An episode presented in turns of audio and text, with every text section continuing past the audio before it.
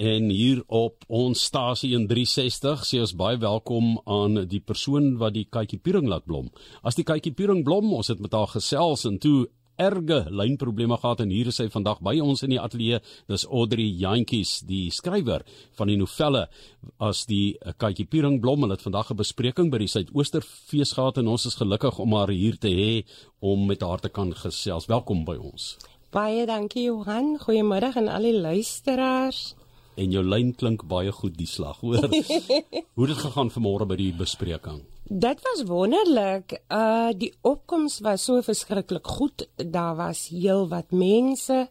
Um in besonder was meneer Basil Meida, hy is wel 'n damer, 'n klasmaat van my. En dan uh, Sylvia Vollenhoven, so dit is almal mense na wie ek opgekyk het. Was fantasties om hulle daar te hê. Maar die plek waar jy groot geword het, Suurbraak het mos 'n stukkie van ons landswapen ook in, hè? Dit is so ja.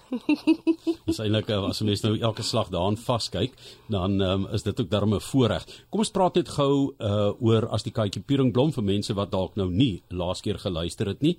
Ehm um, julle het jy het dit geskryf en is 'n tipe van het jy gesê Ja, daar's dele in jou lewe wat gebeur het daar. Jy gebruik nie jou naam nie, jy gebruik iemand anders se naam. Is nie heeltemal presies so nie, maar dis die wedervarings van van 'n sekere plek, 'n uh, geografiese novelle eintlik, né? Mhm. Um jy kan dit so noem, net so 'n klein regstellingie daar. Deel daarvan is baie geroepe uit my kinderjare uit, sê goed uit my kinderjare uit en um ja, Gauberg is um 'n klomp plekke te gelyk te seebraak. Dis die plase in die omliggende gebiede. So ek het probeer dit om om dit saam te vat en dan dit um Gauberg te maak. Jy het um, deur die wêreld geswerf al en met baie ervaring teruggekom Suid-Afrika toe. As ek nou kyk waar jy oral was, jy is Italië, die Duitse platteland, um, jy was in uh, amper 3 maande daar in Nederland gewees en so om nou uit die platteland van Suid-Afrika skielik in 'n ander omgewing, stede en platteland verplaas te word. Dit moet besonder verrykend wees, maar aanvanklik seker 'n bietjie amper senuweeagtig ook. Um die enigste plek waar ek regter bietjie sien weer agter was was in Dubai.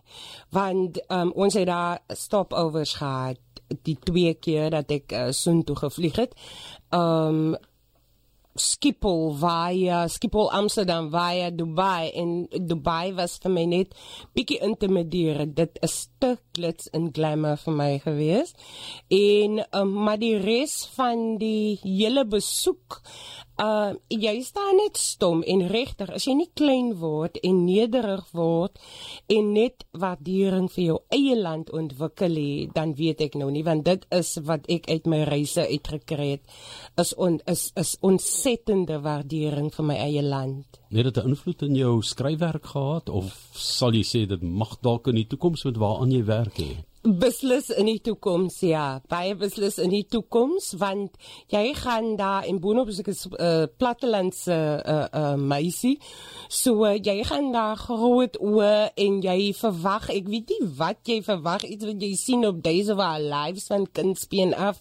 Dit is net all glitz and glamour maar die realiteit is heeltemal iets anders. So toekomstig definitief Jy werk met die katjie piering wat mos daai soet reuke, dis oh. eintlik 'n baie positiewe uh tipe ervaring as jy dink aan die katjie piering vir baie mense, né? Dis daai soel, lieflike somersaande wat jy kry wanneer die katjie piering blom.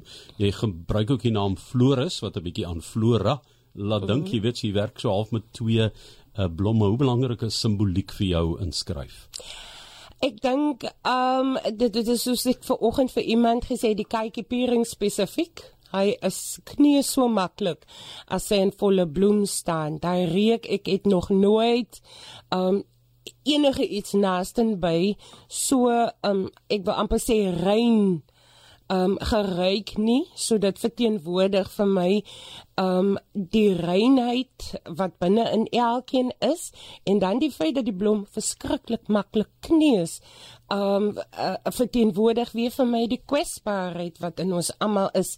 En dan as 'n geheel net die um sy word kaal gestroop die boom heeltemal aan die einde van haar bloeiseisoen en dan staan sy net weer daar in volle bloem. So dit is vir my die simboliek daar agter. As mens gaan kyk na uh, jou naskoolse loopbaan is dit baie interessant. Jy was 'n kassier, 'n bankklerk. Jy het gewaiter vir 'n hele paar jaar lank by plaaslike olieraffinaderry gewerk en nou sê jy 'n uh, gesertifiseerde projekbestuurder by 'n uh, ingenieursmaatskappy en dit gaan oor selfbemagtiging en jy het jou juis deur hierdie boek ook waar ander mense dalk dit nie sou doen nie by 'n kursus ingelaat wat gelei het tot die boek. Vertel ons daarvan. Ek dit is korrek ja. Ehm um, ek kan nie genoeg daaroor praat en oor die sinkronisiteit van dit alles sê dat ehm um, die skryfkursus met Ingrid Winterbach ehm um, eventueel het dit gelei na die boek toe. So um dit is vir my net amazing die die synchronicity van dit alles. Jy begin by 'n punt en dan gaan jy saam met wat die lewe na jou kant toe gooi en aan die einde van die dag het jy hierdie fantastiese eindproduk wat ek hoop en wat ek sien na gelang van die vrae wat ver oggend by die Suidooste uitgekom het, werklik besig is om 'n impak te maak op mense se lewens. Audrey, wat sê die ander swellendammers van jou? Um ek loop nou die dag in die dorp en hierso kom die antie en sy sê, "Is dit dan nie die beroemde skrywer nie?"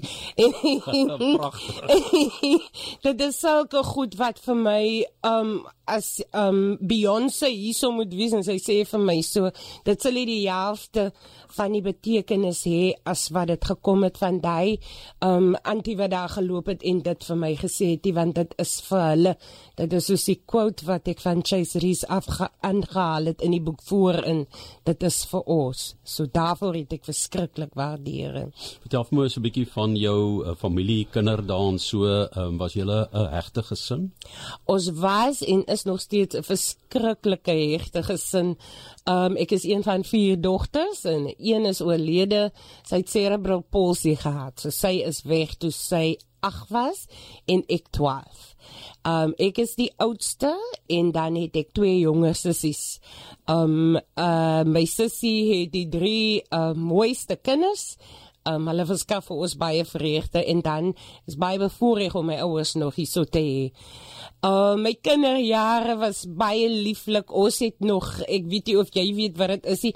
Ek het groot geword met skalou en met klip klippie in die pad speel en met dominoes en vol vol volate is dit die kinders van vandag ken nie dit die en regtig waar daai daai daai ongerep liefde, daai onaangeraakte kinderspeletjies en net by ouma slaap en um mieliepap heeldag lank en as daar nie enigiets anders is ja, gat jy maar na jou ma se huis toe. So so dit was goeie tye gewees en regtig dink ek dat dit vorm um of dit het vir my gevorm in die persoon wat ek vandag is koljander koljander so deur die bos. Al daai lekker goedjies wat ons gespeel het. Ja. Ehm um, Audrey, jy het 'n jy het 'n pragtige stuk werk mee vorendag gekom as die Katjie Puring blom. Ehm um, jy weet die roman of novelle dan wat jy geskryf het. Is dit die vertrekpunt vir jou van 'n droom en nog meer wat ons kan verwag? Ek glo so ja, dit is Katjie Puring was vir my regtig 'n divine opdrag geweest um hoe meer ek aan dink hoe meer besef ek want ek was daar lank um nagte lank besig daarmee aan een sonder enige rus regtig waar my vingers het net geduk. So ja, daar is so baie wat nog moet gesê word, wie se verhale moet gesê word en um sodat ons dit kan opteken in die in die in die in die joernale van die toekoms. So sê die skrywer Audrey Jantjies wat by ons gekuier het in die 360 ateljee geskryf aan As die kykie Puring blom en ook ehm um, vandag kom besoek af lê het van Swellendam af hier in die Seepunt Ateljee in Kaapstad. Ons wens aan net die sterk sterkste en beste en mooiste toe vir die toekoms.